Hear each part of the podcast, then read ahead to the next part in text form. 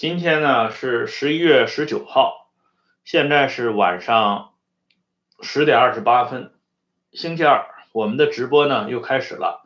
今天的直播题目仍旧是毛泽东与华国锋，小标题呢叫华国锋的所谓底线和原则啊，这个底线和原则呢都是加了引号的。为什么要加引号呢？因为这里有一个重要的含义。就是我昨天在节目结尾处所说的史观的问题啊，历史的史，观点的观。一直以来呢，在中国传统政治里边洋溢的是帝王史观，或者说是英雄史观。为什么说是帝王史观呢？梁启超以前不是讲过这样一句话吗？所谓。二十四部历史就是二十四家的家谱，是他们的家族史，完全是以他们的利益为优归，啊，以他们的利益为观察任何事物的唯一角度，这是帝王史观。还有一种呢是英雄史观，这个涵盖面呢稍微比这帝王史观还宽广一点。啊，包括像石达开这样的草莽英雄，也被计算进来，但是仍然是站在一些 攫取很多或者是很大面积政治利益的这些人的角度来观察问题、研究问题和探讨问题，最终呢对这些问题做出偏颇的结论。事实上，历史真实的角度呢，应该是从多数人。就是平民史观。如果我们从平民史观这个角度来观察华国锋，那么我们需要做到的是什么呢？就是对华国锋这个人，既不需要贬损，也不需要拔高。啊，不需要贬损呢，这点很容易理解，对吧？因为华国锋呢是在一九八一年就失去了最高权力，以后呢。逐渐淡出大家的视线，啊，最后是默默无闻，呃，活了二十七年，最后呢死掉了。在这二十七年当中的绝大多数时间里呢，大家能够记得的是邓小平不厌其烦的跟大家讲，华国锋没什么自己的东西，华国锋不算一代领导人，华国锋搞的就是两个凡事，诸如此类吧。所以呢。有很多这个记载呢，至少是在针对华国锋抓捕王章江瑶这个政治集团，在结束文化大革命这件事情上，故意把华国锋这个主角放到一边要么三缄其口不提，要么罔顾左右而言他。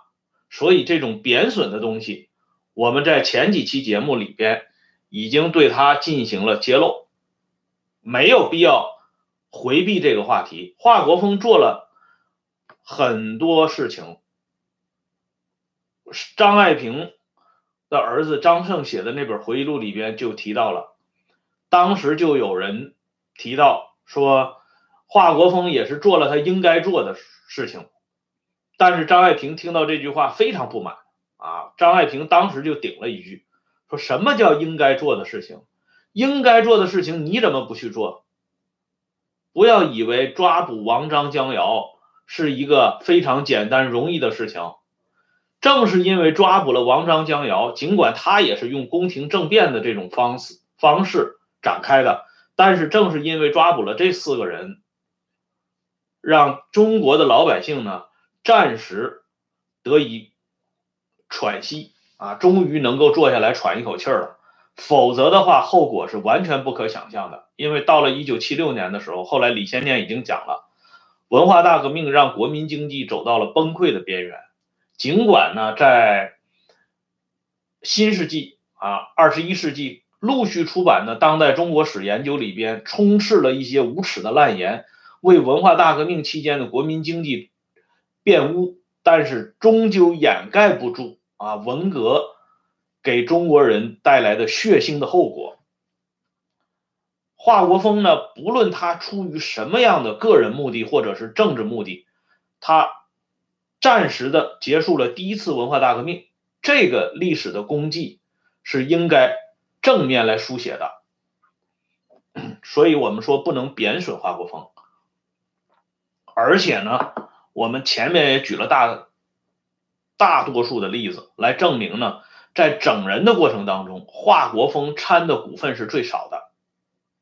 啊，这就是党内这些高层领导为什么在回忆华国锋的时候，都愿意把老实厚道这个评价呢送给华国锋的原因。不过呢，这是谈到贬损华国锋的这一面，还有一个呢，就是不要拔高华国锋。中国的这个传统政治里边呢，通常是有这种情况的。昨天呢，张立凡先生在他的啊接受外国媒体采访的时候，他就谈到过这个问题啊。中国这个古代呢，啊，为了 对现任的皇帝表达一种特殊的评价或者是评判，那么通常呢是借助歌颂先帝来展开这种方式的啊，所谓。人比人得死，货比货得扔，就是这个概念啊。用现在的话讲，没有对比就没有伤害，其实是一回事儿。因为华国锋之后的这些人当中做的很多事情，相比较而言，似乎呢还不如华国锋那么老实厚道。所以呢，华国锋的这个老实厚道，在这种特定的环境和背景下。被无限的放大了，所以我们说对华国锋也不能拔高。这里呢，我们就来讲一下华国锋的底线和原则啊。我们说过，华国锋是一个讲原则的人，那么他的底线和原则是什么呢？很简单，一句话，就是为了维护无产阶级专政，而具体表现在什么地方呢？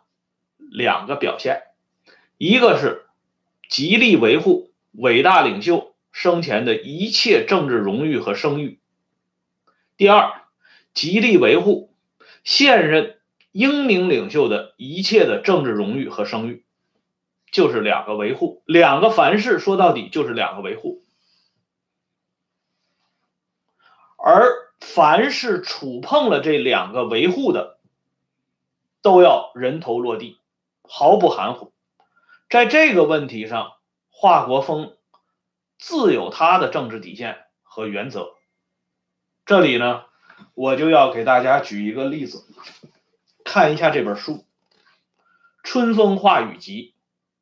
这本书呢，是一九八一年内部出版的。这个书呢，还有一个 编辑啊，这个编辑是什么编辑呢？是上访通讯编辑室编辑的这套书，上下两卷，收录了文化大革命十年当中全国各省各市自治区、直辖市发生的诸多的著名的冤假错案。这些人呢，在中共十一届三中全会之后呢，纷纷上访。所以上访部门啊，信访部门把这些人呈递的冤假错案的材料汇编成了这么两卷，叫《春风化雨集》啊，这个名字起的非常温馨啊。为什么叫春风化雨啊？因为最终呢，把这些人的冤假错案给平反了，所以叫春风化雨。但是我们阅读了这些冤假错案之后呢，得到的结论呢？就是四个字啊，不寒而栗呀。在诸多的冤假错案里边呢，就有一个案子非常有名的案子，发生在吉林省长春市。这个案子的主人公呢叫史云峰啊，他的原名呢不是叫云峰，他这个人呢，这个年轻人是因为看了电影《在烈火中永生》，因为仰慕。那位烈士许云峰给自己呢改了名字叫云峰啊。这个史云峰、史云峰和许云峰啊，没想到呢，这个名字一改，真的是一语成谶啊。最后这个史云峰的下场跟那个许云峰也差不多，但是当时的情况下呢，他还不如许云峰，因为许云峰呢就是被枪决的。基本上来讲就是干净利索啊，一枪毙命。但是这个史云峰的结局呢，在当时看是非常悲壮的，因为他死前呢，怕他口出恶言，攻击伟大领袖毛泽东同志，攻击英明领袖华主席，所以经上级组织批准，把史云峰的舌头呢，用剪子给剪掉了。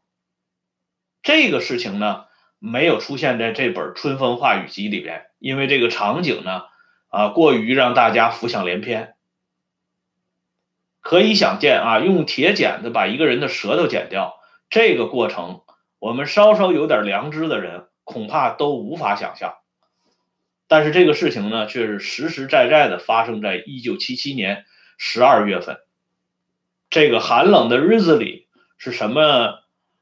概念呢，就是英明领袖已经彻底的在党的第十一次全国代表大会上确立了，华主席的画像呢和伟大领袖的画像并排的挂在了一起。要知道，史云峰当时呢，他是主要的罪名呢是谩骂王章江瑶，啊，按道理来讲呢，十月份已经。七六年十月份已经把王章江瑶抓起来了，怎么过了一年多以后，史云峰还是被判处了死刑呢？因为史史云峰在谩骂王章江瑶的过程当中提到的一些敏感词和一些关键语言，涉及到对伟大领袖的恶言相加，涉及到对无产阶级专政的。动摇的根本原则问题上，因此呢，在这件事情的处理方面，上层是咬定青山不放松，坚决没有任何通融啊。在这本书里边呢，曾经把这个罪状呢归结为林彪江青集团在吉林省的代理人王怀乡的身上。王怀乡呢是四野出身的干部，当时担任吉林省委第一书记。但是王怀乡是在一九七七年二月就已经离开了吉林省第一把手的位置，接替王怀乡的是那位在新疆以屯垦出名的，原一九五五年被授予中将军衔的王恩茂。王恩茂呢是邓小平的亲信，后来邓小平开展了真理大讨论的时候。王恩茂、杨义臣他们在东北呢率先响应，打响了第一枪。可是呢，史云峰的案子报到了王恩茂手中之后呢，当时的吉林省委是这么对史云峰做的结论：现行反革命分子史云峰投递大量反革命传单，张贴反革命标语，恶毒攻击伟大领袖和导师毛主席。判处其死死刑是正确的，这个结论呢，最终把史云峰呢送上了断头台啊！我纠正一下啊，史云峰死于一九七六年十二月啊，不是七七年十二月啊，一个口误。所以就是说，在史云峰死后啊，死后十十个月里边。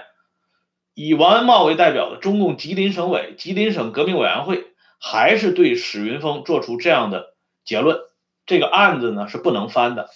可想而知，王恩茂他们能够做出这样的结论，上边是一定有着英明领袖的照拂的。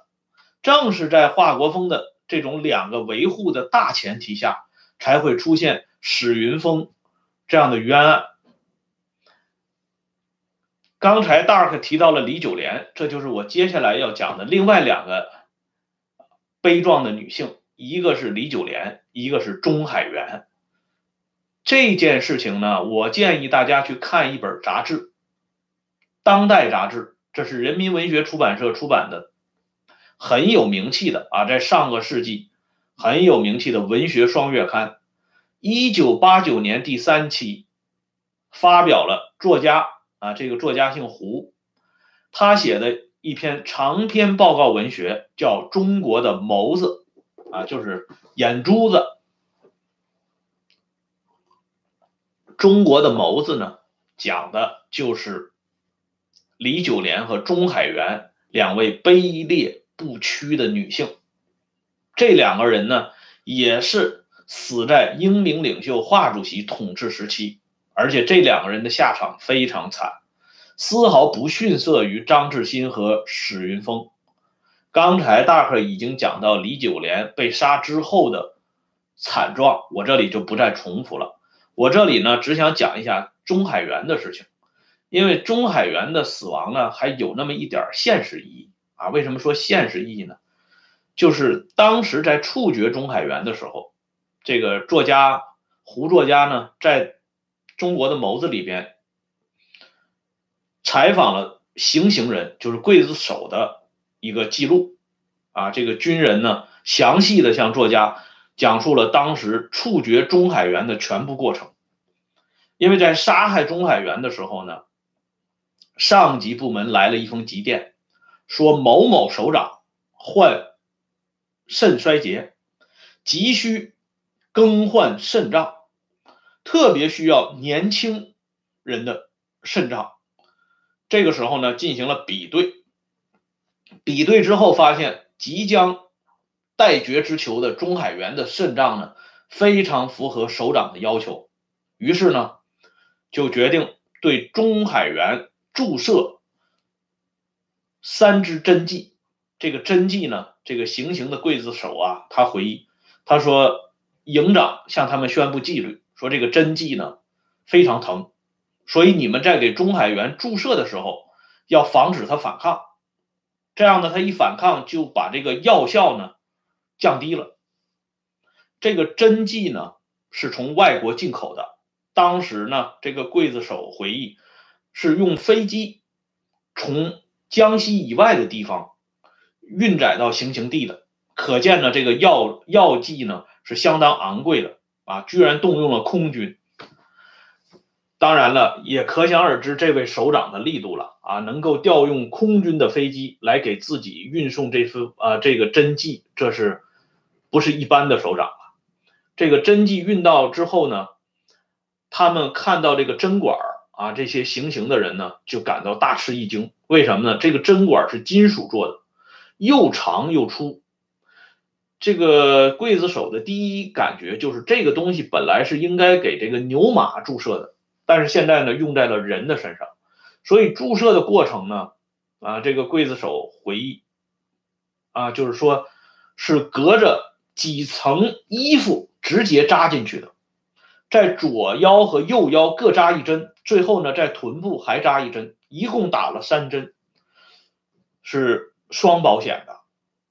这个钟海元呢，相当痛苦了，可想而知，这种针管这种啊长针扎到人的身上是什么样的感觉。但是钟海元没有吭一声。这个钟海元的罪名是什么呢？钟海元就说了一句话，说华国锋是搞着政变上台的，就这么一句话，要了钟海元的一条命加两个肾脏。这就是发生在英明领袖华主席执政之后这么一件事情。而且呢，这件事情尽管后来李九莲、钟海源获得了平反，可是整个这个过程没有人知道。一直到一九八九年三月份，《当代》杂志刊登了这位作家的报告文学以后，我们啊，当时我还是上中学、上初中啊，我们看到这个东西，真是吓坏了，没想到人世间还有这种事情。而且呢，最有趣儿的是，这个事情呢是发表在第三期啊，第三期顾名思义就是六月份出版的。而在八九年六月份发生了一件大事，这个不用重复，大家也知道了。所以呢，到了八月份的时候，《当代》杂志八九年第三期这个杂志被封禁了。封禁了一段时间，啊，好在那个时候呢，我是长期来这个买，呃，这个当代杂志还有收获杂志的，所以这个当代杂志八九年第三期我一直保留到今天，我就不给大家展示了，因为大家现在上网都可以看到这个报告文学的原文，也可以买到这本书，啊，也就不需要展示了。这件事情呢。后来还有陆续的其他的当事人做出旁证，就是作家呢没有瞎编，这是实有其事的。而现场呢发生的场景比作家描述的还要惨烈十倍。这样呢，我们就可以看出来，虽然啊华国锋有着老实厚道的这种评价，可是他的老实厚道。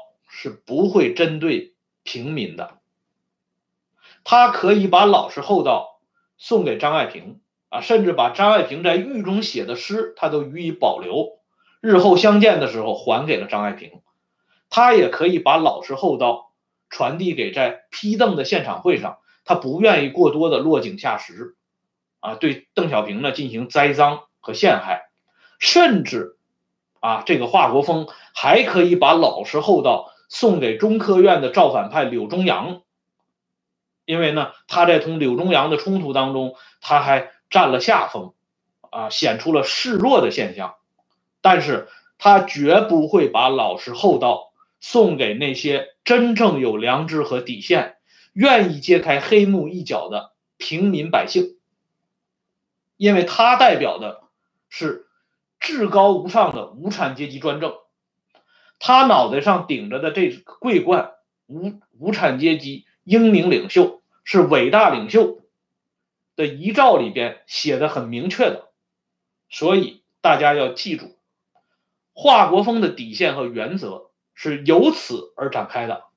所以作为平民百姓，千万不要一厢情愿的以为这位华主席是多么的老实厚道。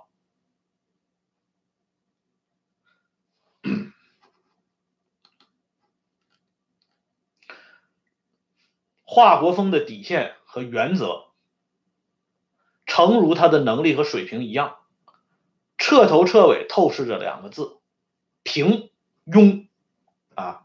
但正因为华国锋是处于两座高峰之间的一个小桥，因此呢，他才留下了足够的空间啊，留给大家追思和怀念。因此，当我们今天重新用历史真实的一面啊来回顾华国锋的时候，千万不要忘记华国锋的所谓老实与厚道，所谓的底线和原则。二零零八年，华国锋去世啊，当时呢啊哀悼华国锋的人很多。可是这些人不知道有没有想到，一九七六年十二月啊，在那个寒冬之际，史云峰被剪掉了舌头。史云峰平反的日子是在一九八零年春天。为什么他直到一九八零年春天才被平反呢？这里边有必要跟大家讲一下这个历史的相关背景。啊，便于大家了解史云峰翻案的缘由所在。因为在一九八零年，中共十一届五中全会召开，在这一次的全会上，恢复了设立中共中央书记处，由胡耀邦担任中共中央书记处的总书记，实际上是夺了华国锋的实权。也在这次中央全会上，赵子阳当选为中央政治局常委，啊，被掺进了最大的一个沙子。更主要的是，在这一次中央全会上，华国锋的亲信汪东兴、季登奎、吴德、陈锡联四个人被免去党政军主要领导职务，这三个人呢被赶出了核心圈换句话说呢？十一届五中全会的华国锋已经是风雨飘摇。而且就在这一年，一九八零年八月十八号，中央政治局扩大会议上，邓小平做了党和国家领导制度改革的重要讲话。这篇讲话被收录到《邓小平文选》第二卷当中。这篇讲话实际上是吹响了对华国锋总攻的号角。在下一年，一九八一年，啊，华国锋。在十一届六中全会上被迫辞去中央委员会主席和中央军事委员会主席职务，变成了光杆司令了啊！可所以呢，我们看一下为什么史云峰的案子一直压到了一九八零年春天，在十一届五中全会结束后，吉林省委省革委会的领导人呢才屈尊跑到史云峰的家里。啊，装模作样的去慰问史云峰的妈妈，这个大背景是这么来的。换句话说，如果英明领袖华主席不下台的话，史云峰的案子到底会拖多久？那恐怕也只有天知道。由此呢，我们可以想想，伟大领袖当年为什么会给华国锋和邓小平写过这样的话：“你办事我放心。”因为这两个人。都无一例外的继承了伟大领袖的衣钵，一个呢是以两个凡事的面目出现，一个呢是以改革开放的名目出现。前者呢因为被打倒了，剩下的只剩了追思和怀念；后者的这个改革开放呢，至今还忽悠了诸多的人，以为那一场运动呢给平民百姓真的带来了什么真正意义上的实质性的好处，所以。为什么我们要强调用平民史观来观察历史、观察问题？其核心呢就在这里。好了，今天的节目呢，我们就先说到这里。二零零八年华国锋死了以后，是当时的最高领导人批准对华国锋按照中央政治局常委的规格进行安葬。这位领导人呢，为什么对华国锋？给予了这么高规格的葬礼呢？想来呢，应该是出于这么几种考虑：一种呢是历史的原因，一种呢是现实的原因。那么，什么是历史的原因？什么是现实的原因？我们留待明天接着说。今天呢，咱们就先说到这里。感谢大家上来。收看《温相说党史》，希望大家继续关注这个节目，谢谢大家，再见。